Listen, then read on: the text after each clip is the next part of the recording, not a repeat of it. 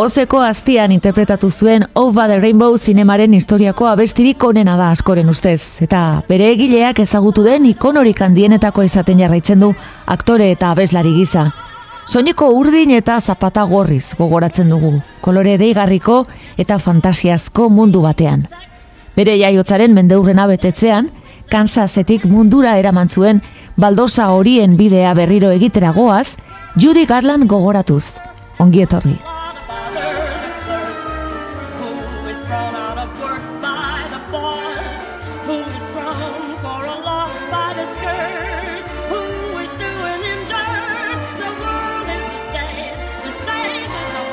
Akaso gaur egun jende askok ez du ikusi, baina oso ezaguna da El Mago de Oz, Ozeko Aztia pelikularen estetika berezia, eta zer esanik ez mundu guztiak entzun du inoiz abestietako bat edo beste. Judy Garland denborarekin klasiko bihurtu den film horretan egintzen famatu. Baina, bere karreran pauso bat besterik etzen izan, izan ere oso karrera anitza izan zuen.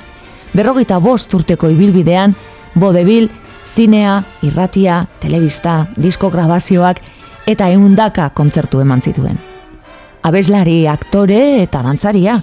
Hain trebea izan arren Judy Garlandek ez zuen bere buruan segurtasun handiegirik. Sekulako presioak jasan zituen pisuari eta itxurari eusteko, utxune personal handiak izan zituen, eta ikusiko dugunez bere bizitza Errusiar mendi baten antzekoa izan zen.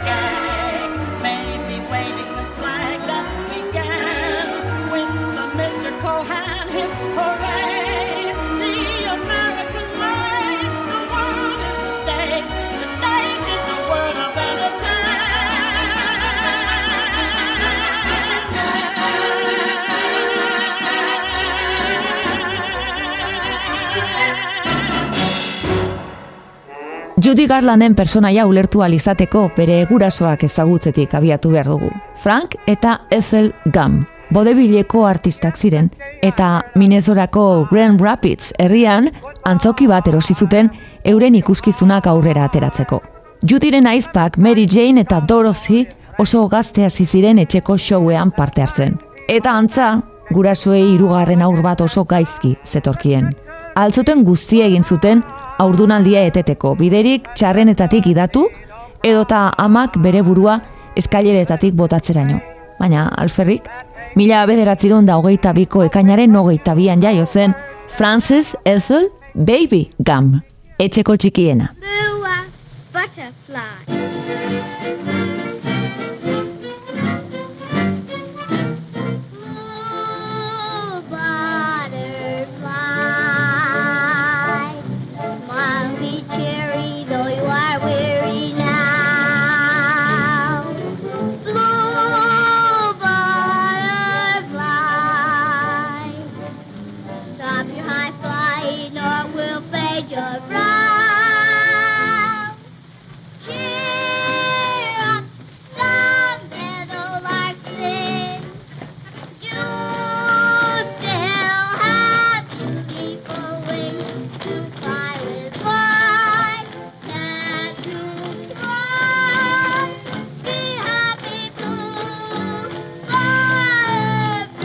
Urte zituenean zapaldu zuen lehen aldiz eskenategi bat eta bere aizpekin batera The Gum Sisters irukoa osatu zuen.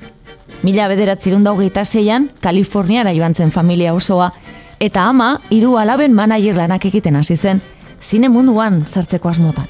Mila bederatzirun da hogeita bederatzean lehenengo aldiz film musikal batean parte hartu zuten, baina oso numero laburrak egiten. Hemen ditugu adibidez la kukaratxa abesten, La fiesta de Santa Bárbara izeneko pelikulan. Cucaracha, la cucaracha, ya no puede caminar, porque le tiene, porque le falta. Marihuana que fumar. La cucaracha, la cucaracha, ya no puede caminar, porque no tiene, porque le falta. Marihuana que fumar. Santa Barbara, Palo Alto, Tijuana, Caliente, Albuquerque and Puente, San Diego and Hoboken. La cucaracha! Garai horretan gam aizpek izen aldatzea erabaki zuten, gam txiklea da ingelesez eta orkesten ziren bakoitzean jendeak barre egiten baitzuen. Handik aurrera The Carland Sisters izango ziren, eta gainera, Francesek bere izena Judyren gatik aldatu zuen. Hogi Carmichaelek abesten zuen kanta gogoratuz. She's the one for me. Heaven sent her to be my Judy, my Judy. Sweet as pie, and I know that I die for Judy, my Judy. Mila bederatziron da hogeita mamosteko irailean Metro Goldwyn Mayerreko nagusia Garland Sistersen ikuskizunera bidali zuen Barton Lane konposatzailea. Judyri audizio bat egin zioten ondorioz MGM estudioetan. Sing went the strings of my heart abestu orduko, zazpi urteko kontratu eskaini zioten, asteko eun dolarreko soldatarekin. Smiled at me, I heard a melody. It haunted me from the start. Something inside of me started a symphony. Sing with the strings of my heart. 'Twas like a breath of spring. I heard a robin sing about a nest set apart. All nature seemed to be in perfect harmony. Sing with the strings of my heart. Baina estudioak etzeken ongi Judyrekin zer egin. Amair urte zituen eta zarregia zen Shirley Templenerako aur paperak egiteko. Era berean gaztegia helduen roletarako. Gainera bat berrogeita hamar neurtzen zuen eta estudioan bertako eskolan oso aktore ederrak zituen lagun, Ava Gardner, Lana Turner edota Elizabeth Taylor. Metro Goldwyn Mayerreko adituek aitzaki asko ikusten zizkioten sudur luzea zuela, hortzak okerrak, pizkarra ere bai, begiak urrutiek elkarren handik. Dietan jarri zuten, bere altuerarako gehiegi pisatzen zuelakoan, eta ez horrekin konforme pilulak ematen zizkioten anfetaminak goseak entzeko energia galdu gabe. Hortzetan eta janzkeran eta egin nahi zizkioten aldaketa guztiak egin ondoren, estudio berean lan egiten zuen aur kantari batekin abesten jarri zuten. Gianna Darbinekin. Ark opera kantatzen zuen eta Judy Garlanek swing estiloan. Eta emaitza unako hause izan zen.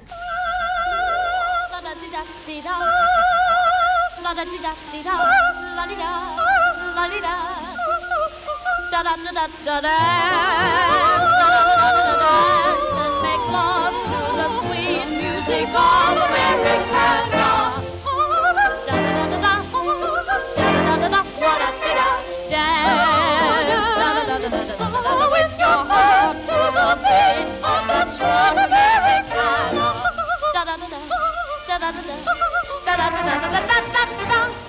You'll there is a chance for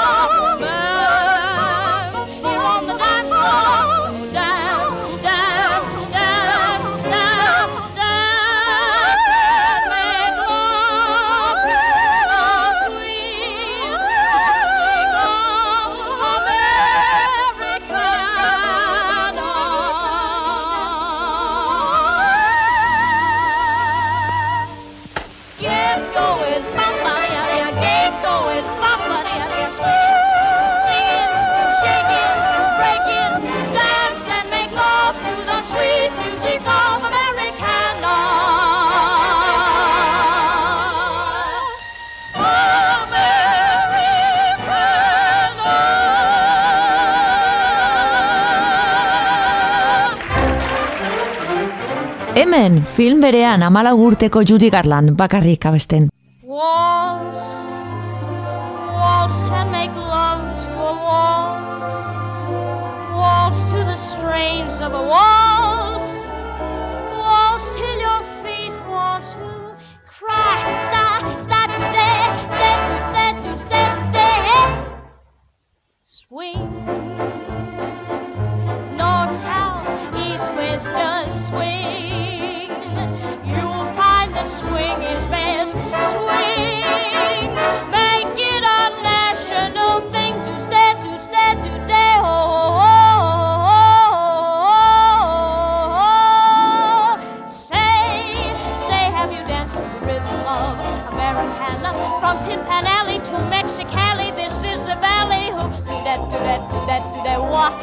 Do that, do that, do that. What? Sway, sway to the natural rhythm of Americana. It has a tender, primitive splendor you must surrender to. Bands playing and millions rain. You'll say it's a heavenly thing when you swing. The sensuous rhythm of Americana. That patriotic, hot and exotic, sweet and melodic. Diana Darwin Metro Goldwyn Mayerretik bota egin zuten saioaren ondoren. Universal Studioan egin zuen karrera handik aurrera. Bien bitartean, Judyri film luze batean parte hartzeko aukera eman zioten. Big Skin Parade izeneko pelikulan paper txikitxo bat egin zuen. Baina jende guztiak ezagutuko zuen Judy Garlanen debuteko filma izan zelako. Naiz eta kredituetan bere izena bederatzi garren tokian azaltzen zen eta pelikula hartan egin zuen guztia bukaeran bi kanta laburra bestea besterik etzen izan.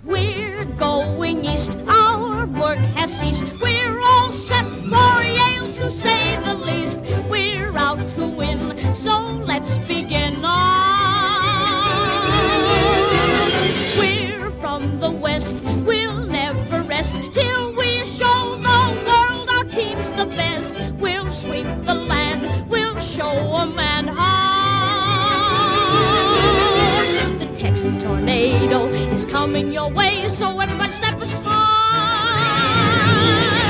The Texas tornado is funny that way, so everybody better hide.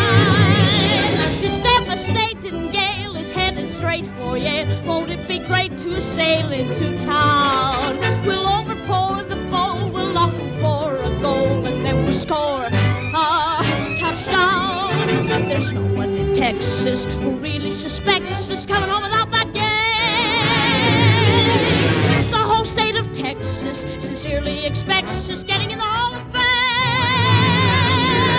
Yale's pigskin sack is a crackerjack, but we'll bring it back without fail. The Texas tornado is coming your way, so everyone step aside.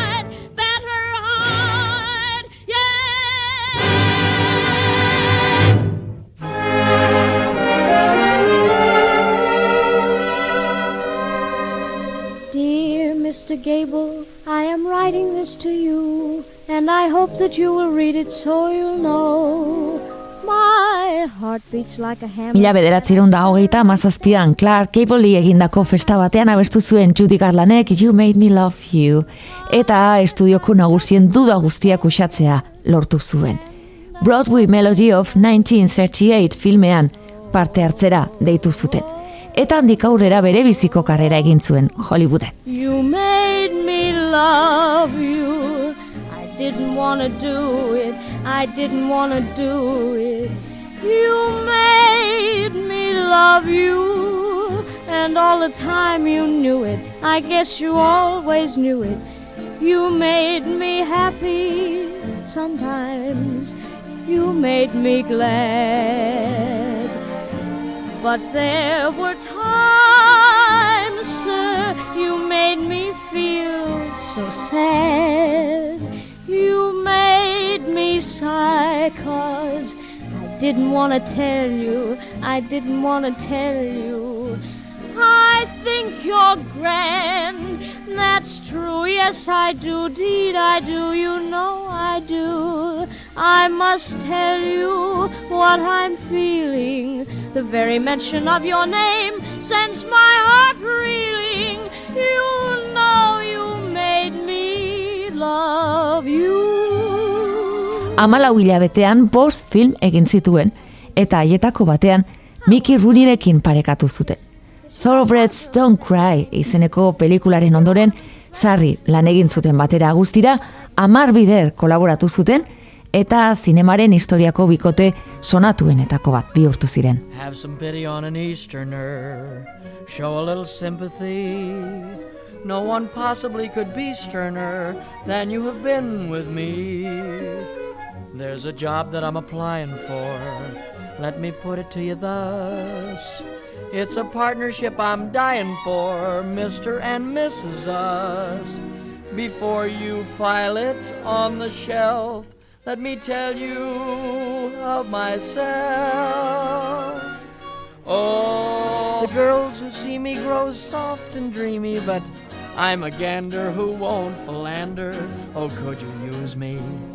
Cause I certainly could use you.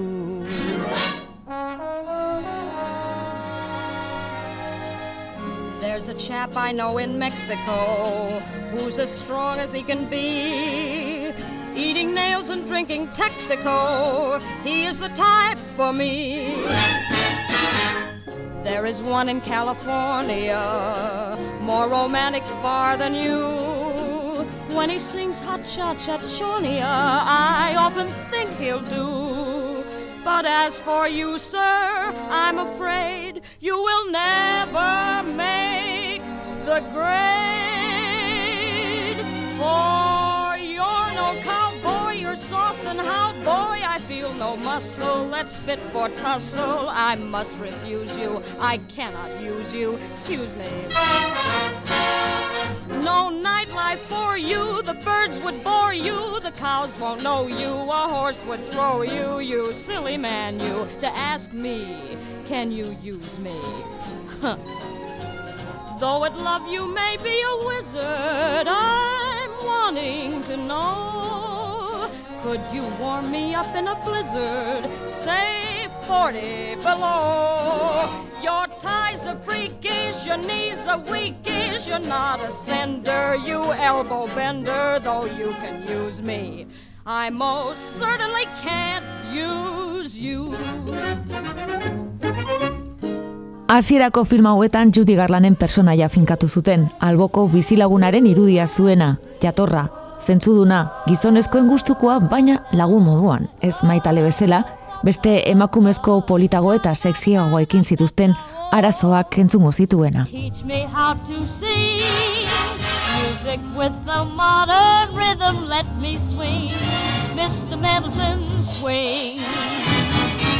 Songs of love and spring. Got to have some hot cha with them so they'll swing, Mr. Mendelssohn, swing. In my singing school, I am one of many who is just a fool for that Mrs. Goodman's little fella Benny. Music is a thing that's no good without that rhythm, sweet and hot, fast and slow. So get little dash of holy ho and swing it, Mr. Mendelssohn, swing it high.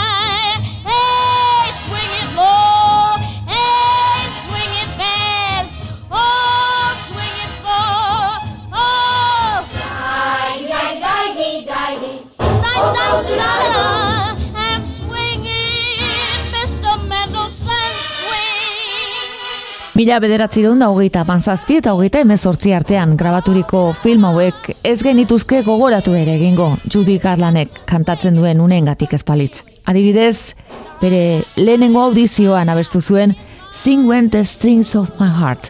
Betirako geratu den Judyren kanta klasiko hietako bat, Listen Darling pelikulan interpretatu zuen mila bederatzireun da hogeita emezortzian.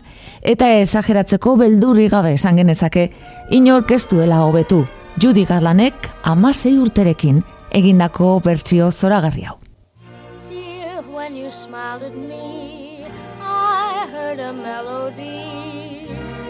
Haunted me from the start. Something inside of me started a symphony. Sing with the strings of my heart. 'Twas like a breath of spring. I heard a robin sing about a nest set apart.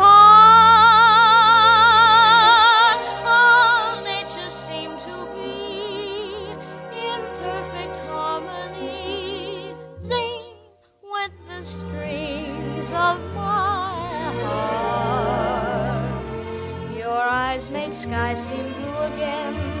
What else could I do again but keep repeating through and through? I love you, love you. I still recall the thrill. I guess I always will. I hope 'twill never depart.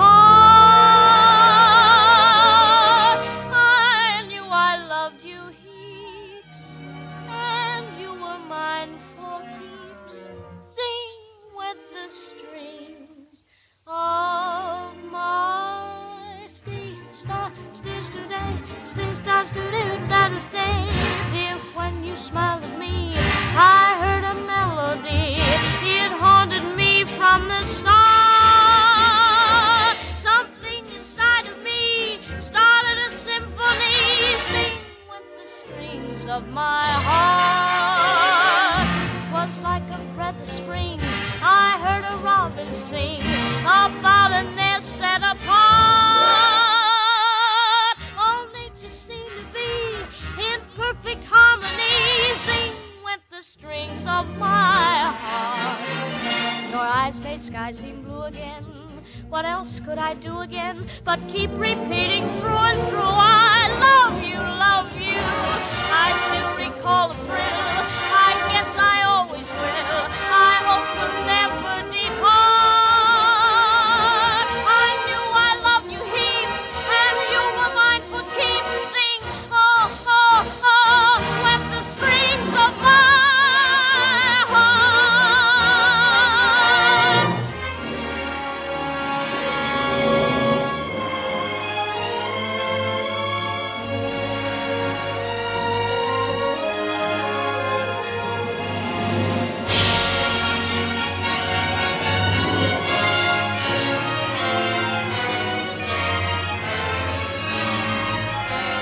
Mila bederatzireun da hogeita amazazpian, edurne zuri eta zazpi potxen marrazki bizidunekin Walt Disneyek zera erakutsi zion munduari. Aurren ipuñetan oinarrituriko filmek ere sekulako arrakasta izan zezaketela. Eta hori ikusita Metro Goldwyn Mayer estudioak The Wizard of Oz aur bestsellerraren eskubideak erosi zituen. Judy Garlani eskaini zioten Doro ziren paper nagusia eta honek betirako aldatu zuen bere bizitza.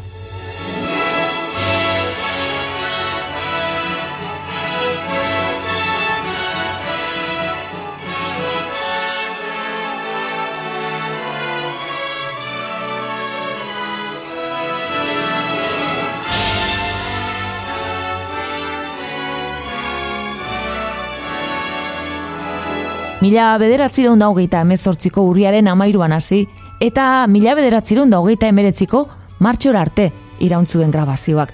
Oikoa baino askoz ere luzeagoa izan zen beraz. Egun, Hollywoodeko film ezagunenetako bat da, baina ikusiko dugunez, zenbait arazo eta istripu gertatu ziren sei hilabete horietan.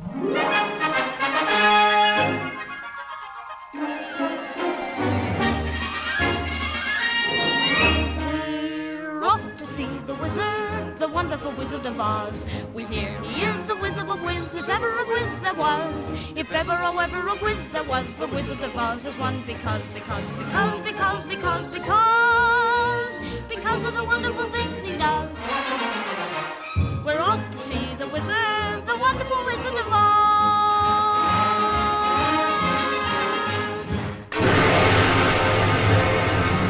Jack Haley filmean ikusten dugun latazko gizonaren aurretik badi Epson aktoreari egokitu zitzaion paper hori. Baina ospitalera eraman behar izan zuten, mozoroaren aluminio hautsak sortu zion biriketako infekzioa zela eta. Sorgin gaiztoaren papera egiten zuen Margaret Hamiltonek erredurak izan zituen aurpegian eta eskuan estena bat grabatzen ari zela bere jantziak zu hartu zuenean.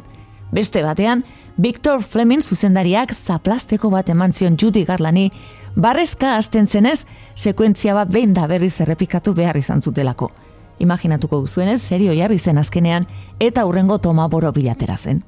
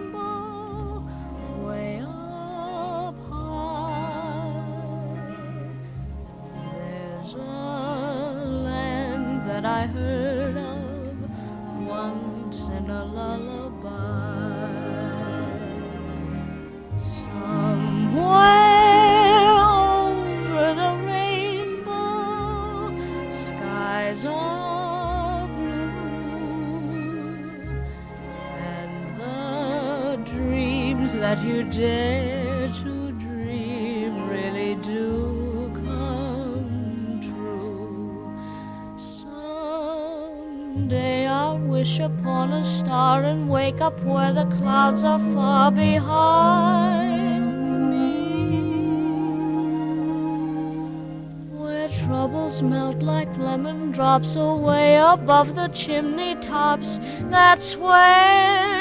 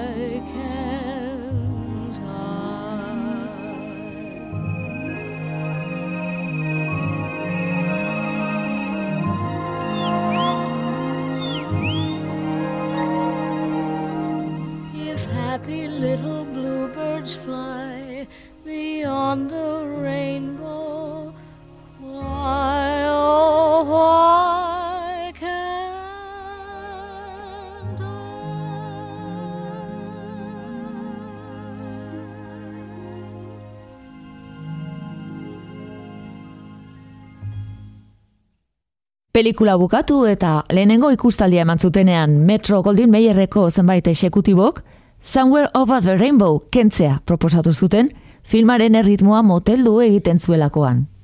Pelikularen musika ekoizleak aldiz, Azza Fridek kantan mantentzeko agindua eman zuen The Wizard of Ozek xarma guztia galduko zuela argudiatuz. Izan ere, melodia hori zen filmaren motibo nagusia. Hori bai, atzera bota zutena jarraian entzungo dugun variazio negarti hau izan zen. Aurrentzako film baterako tristegia baitzen. Someday I'll wake and rub my eyes, and in that land beyond the skies, you'll find me somewhere over the rainbow. Bluebirds fly, birds fly over the rainbow. Why?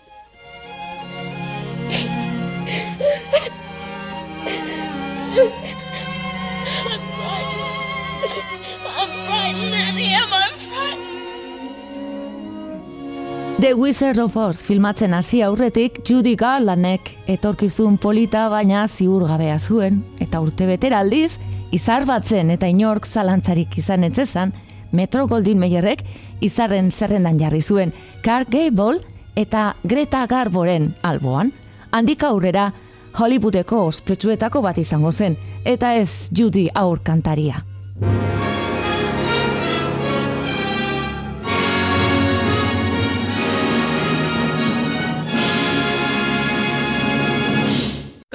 Morning, good morning. We've danced the whole night through. Good morning, good morning to you. Good morning, good morning. It's great to stay up late. Good morning, good morning to you. When the band began to play, stars were shining bright. Now the milkman's on its way, it's too late to say good night. So good morning, good morning. Sunbeams will soon smile through. Good morning, my darling, to you. Judiren urrengo proiektua Broadwayeko musikal ezagun baten adaptazioa izan zen Babes in Arms. Lagunik onena zuen Mickey Rooney eta biek berriro ere itzelezko arrakasta lortu zuten. Mila bederatzion eta hogeita emeretziko abuztuan, New Yorkera joan zirenean filmaren promozioa egitera, amar mila persona elkartu ziren Grand Central Stationen. Mila bederatzion eta berrogeiko Oscar sarietan, Judy Garlanek ohorezko sari bat irabazi zuen bi filmaiagatik eta aurkezlea nola ez. Mickey Rooney izan zen. Gentlemen, honored guests, it's my privilege this year to present that award for the outstanding performance by a juvenile actress during the past year, Miss Judy Garland.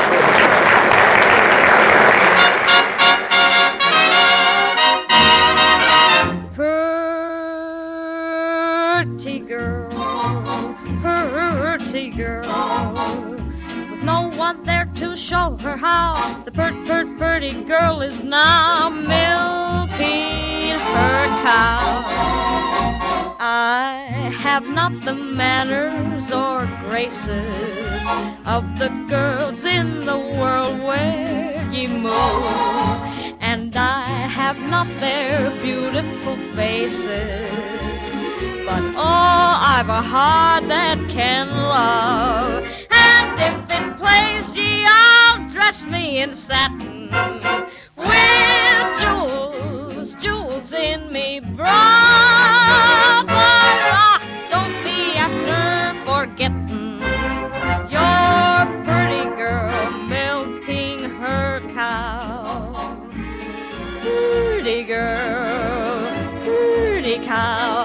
Sure this song would have never been wrote if the pretty girl had have been milking her goat, but the goat wasn't feeling well anyhow, so the pretty girl was milking her cow, her cow, her cow. La la la la la. La la la la la la la la la la la la la la la la. Pretty girl milking her cow. Mila bederatzerun da berrogeian lehenengo aldiz heldu baten papera burutu zuen Irlandatik etorritako emigrantearen egin zuen Little Nelly Kelly filmean. Judirentzat erronka handia izan zen, azentu irlandararekin antzestu behar baitzuen eta fikziozko lehen musua eman.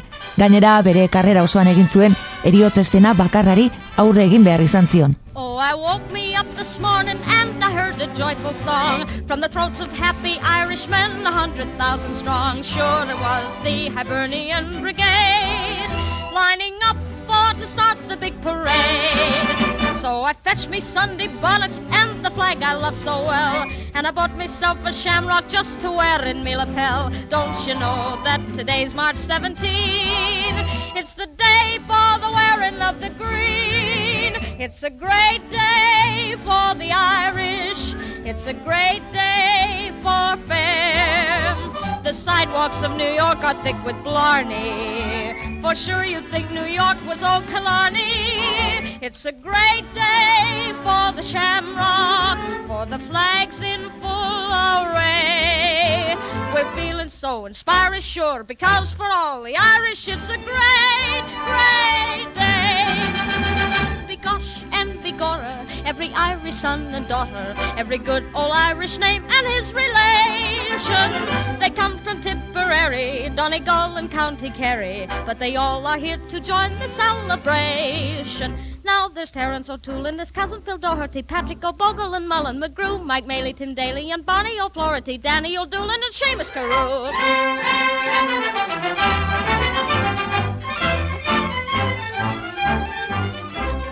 Collies and Dollies and Patrick O'Bannigan, Ryans, O'Briens, McLaughlins and Lynch, McGlones and McFaddens and Mr. Pat Flanagan, Hogans and Glogans, McPhersons and Finch.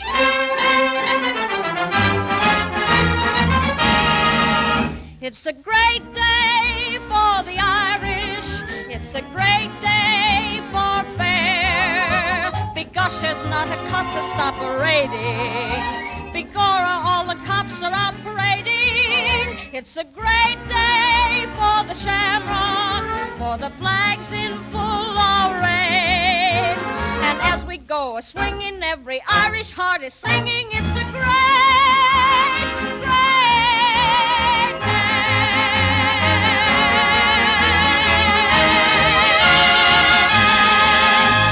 Judy Garlanen urrengo film garrantzitsua Chick for Girl izan zen, mila bederatzireun da berrogeita batekoa. Kompetentzia handia zen, Lana Turner, Eddie Lamar eta James Stewart moduko izarrekin batera lan egin behar baitzuen. Baina betiko moduan kantatzen agertzen zenean, atentzio osoa bere ganatzen zuen showa lapurtuz. Eta adibide modura Chopin kompositorearen melodia batean oinarrituriko I'm always chasing rainbows eder hau abesten entzungo dugu. I'm always chasing rainbows, watching clouds drifting by. My schemes are just like all my dreams ending in the sky.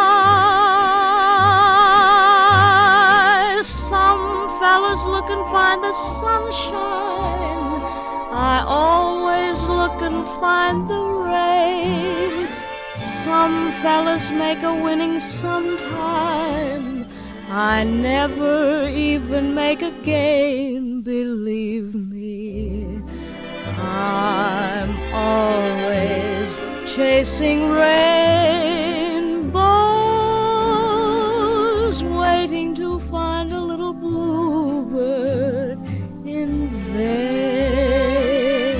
Baina Judy Garlanen bizitza etzen larrosa kolorekoa izan.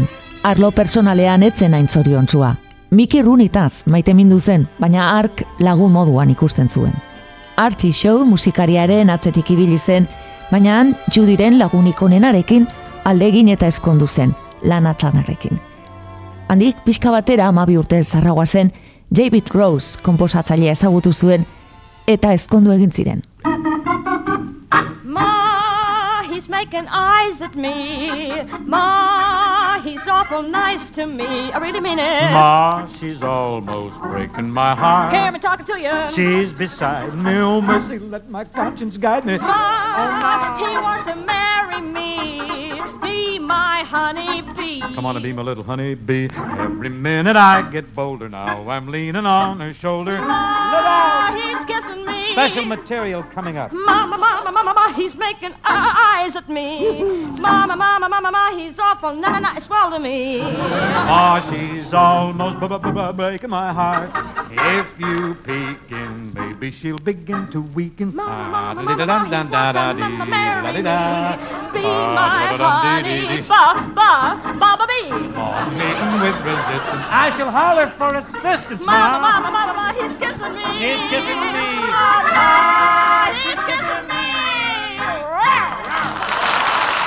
Emeretzi urte zituen, eta Metro Goldin Mayerreko izarrik handiena izanik, ez estudioak, ez Judy Garlanen amak, ez zuten begionez ikusten David Roseekin zuen harremana. Emakume ezkondu bat eta ordura arte zuen erabezintzo eta inusientearen irudia etzetozela bat pentsatu zuten. Irudi garbi ura galdu egingo zuela. Alako presioa ikusita bikoteak Las Vegasera aldegin zuen eta bertan ezkondu Hollywooden sekulako eskandaloa sortuz.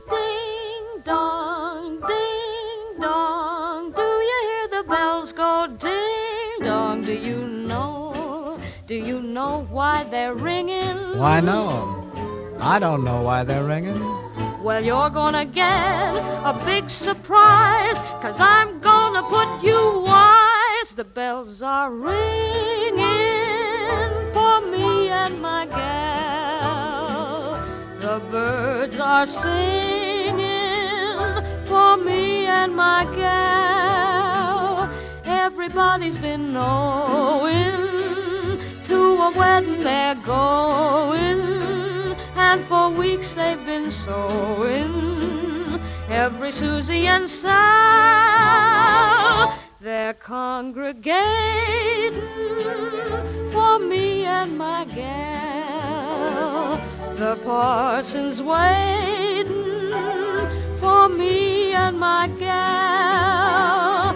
And sometime we're gonna build a little home for two or three or four or more in love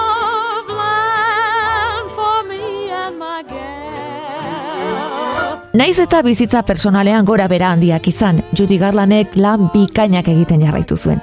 Mila bederatzireun da berrogeita bian esaterako, For Me and My Gal filmatu zuen asten ari zen Jean Kellyren ondoan, eta honek beti gogoratuko zuen bere debutean Judyk emandako laguntza. Oso suabe kantatzeko aholkatu omentzion adibidez, zinean erabiltzen ziren mikroek soinu guztia hartzen zutelako.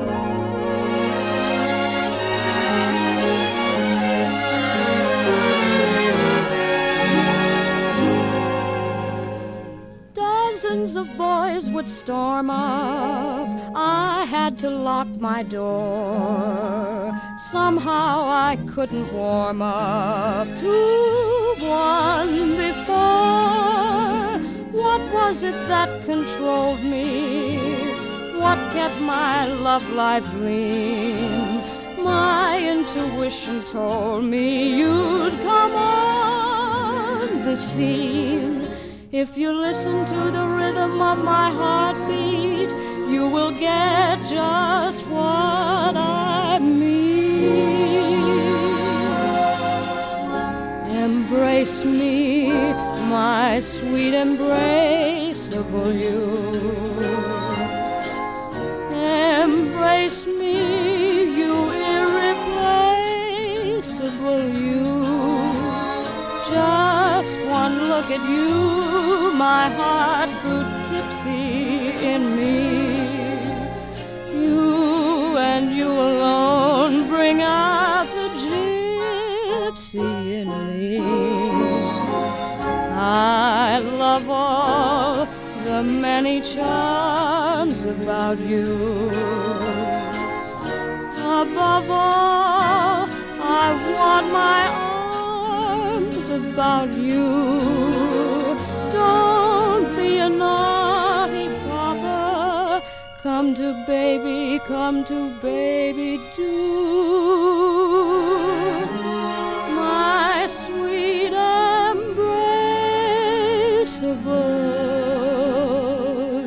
Garai hartan egin zituen lanen artean bat aukeratzekotan Girl Crazy pelikulan egin zuena azpimarratu behar da mila bederatzireun da berrogeita iruan.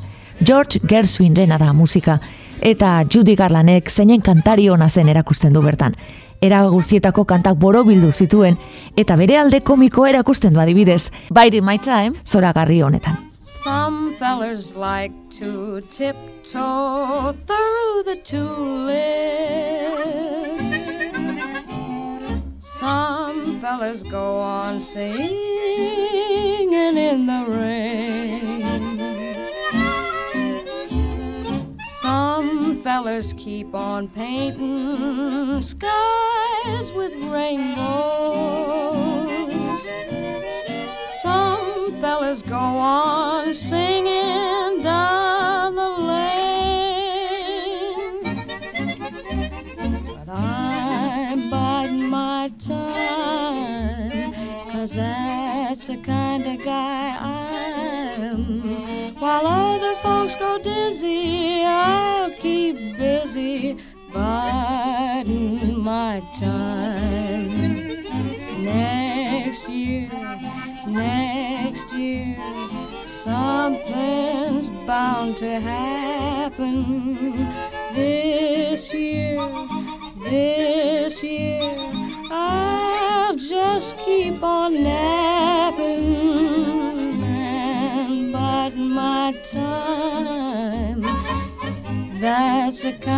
I am. There's no regretting when I'm set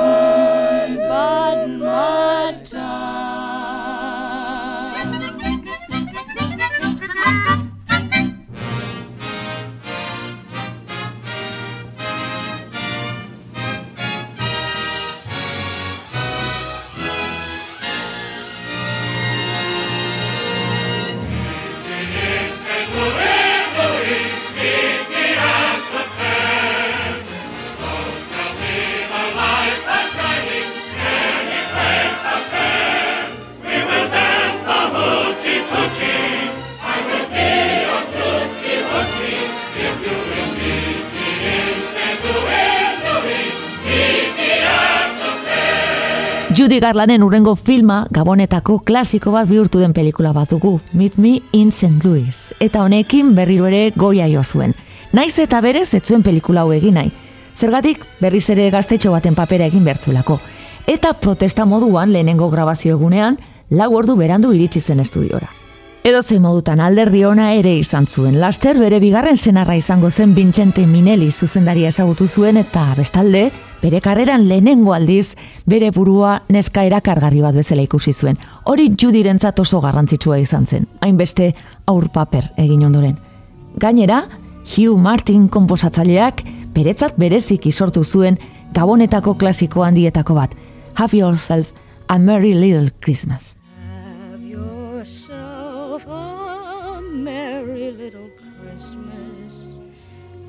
Let your heart be light. Next year, all our troubles will be out of sight.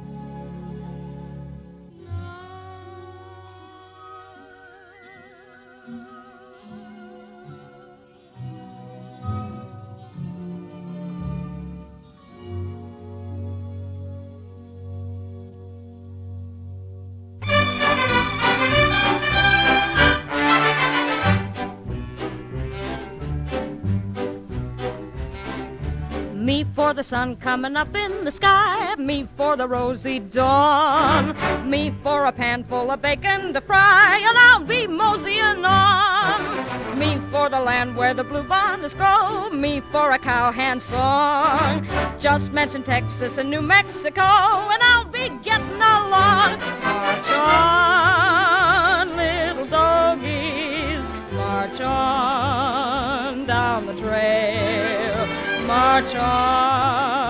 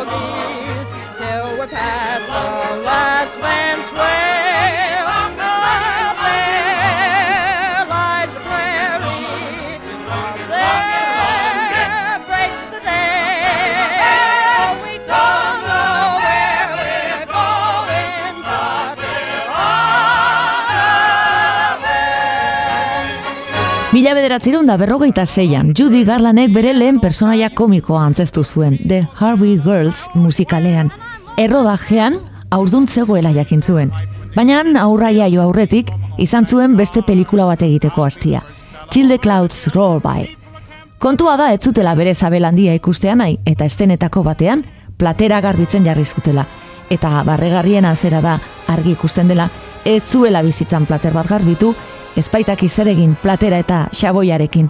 As I wash my dishes, I'll be following a plan.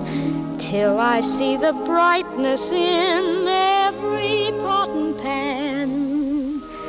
I am sure this point of view will ease the daily grind. So I'll keep repeating in my mind.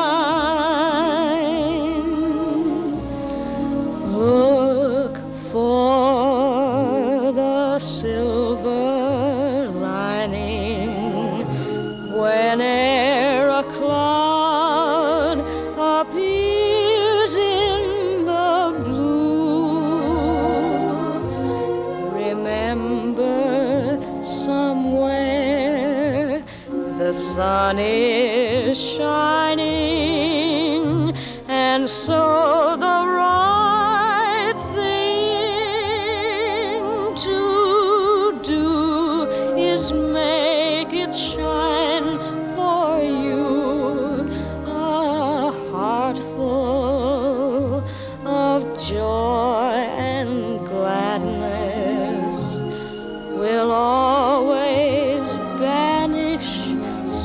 sadness and strife. So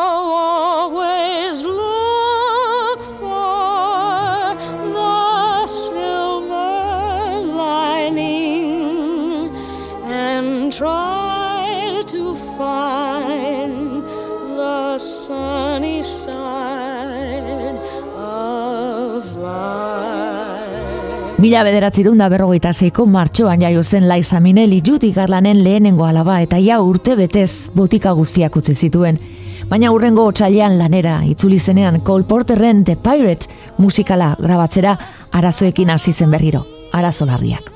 Lanean hasi zen momentuan gaixotu egin zen, depresioari aurre egiteko medikatzen hasi zen berriro eta botikek ezin dut uzten zuten. Grabazioak irauntzuen egun hogeita amabostegunetatik bakarrik hogeita amasei egin zituen lanean. Eta hietako batean budu musika estena grabatzen ari zirela, krisi gogor bat sufritu zuen eta zenbait astez erietxean egon behar izan zuen. Hori bai, egun ona zuenean gogotik lan egiten zuen. Adibidez, azken grabazio egunean Judy Garlanek Be a Clown eszenaren hogeita bost toma desberdin egin zituen.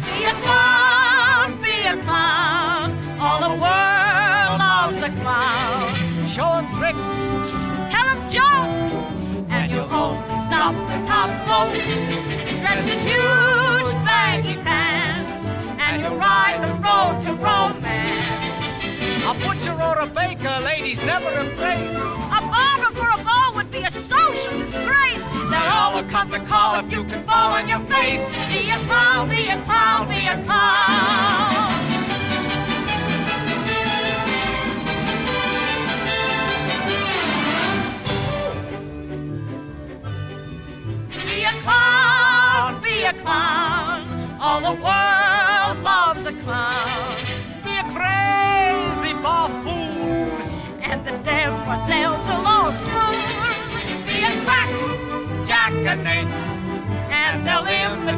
Imitate you like apes. Why be a great composer with your rent in arrears? Why be a major poet and you'll owe it for years? When crowds will pay to giggle if you wiggle your ears. Be a clown, be a clown, be a clown.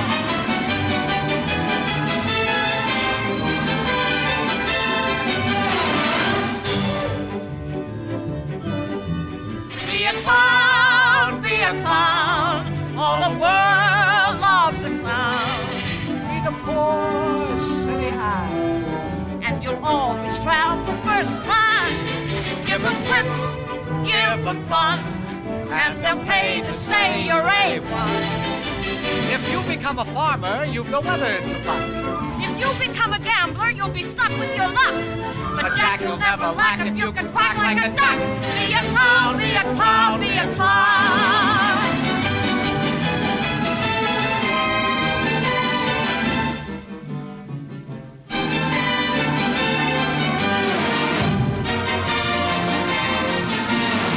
Mila bederatzireun da berrogeita amarreko irailean gora bera guzti hauen ondoren Judy Garlanek Metro Goldwyn Mayer estudioarekin zuen kontratua bertan bera utzi eta amabost urteko ibilbideari amaiera eman zion. Aldi berean, Vincente Minelitaz banandu egin zen eta hurrengo hamar urtetan bere senarra izango zen Sid Loftekin ezkondu zen.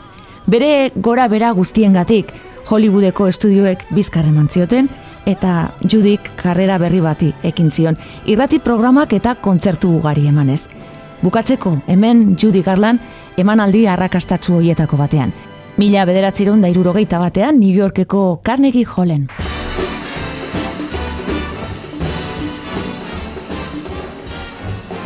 Dear, when you smile at me, I heard a melody. It haunted me from the start. Inside of me started a symphony. Sing went the strings of my heart.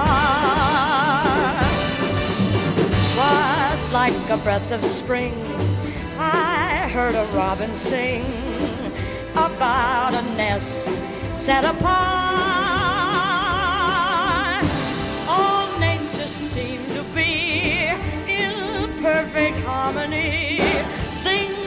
The strings of my heart. Your eyes made sky seem blue again. What else could I do again but keep repeating through and through? I love you, love you. I still recall the thrill. I guess I always will. I hope twill never depart. Lips to mine, oh, rhapsody divine. Sing went the strings of my heart.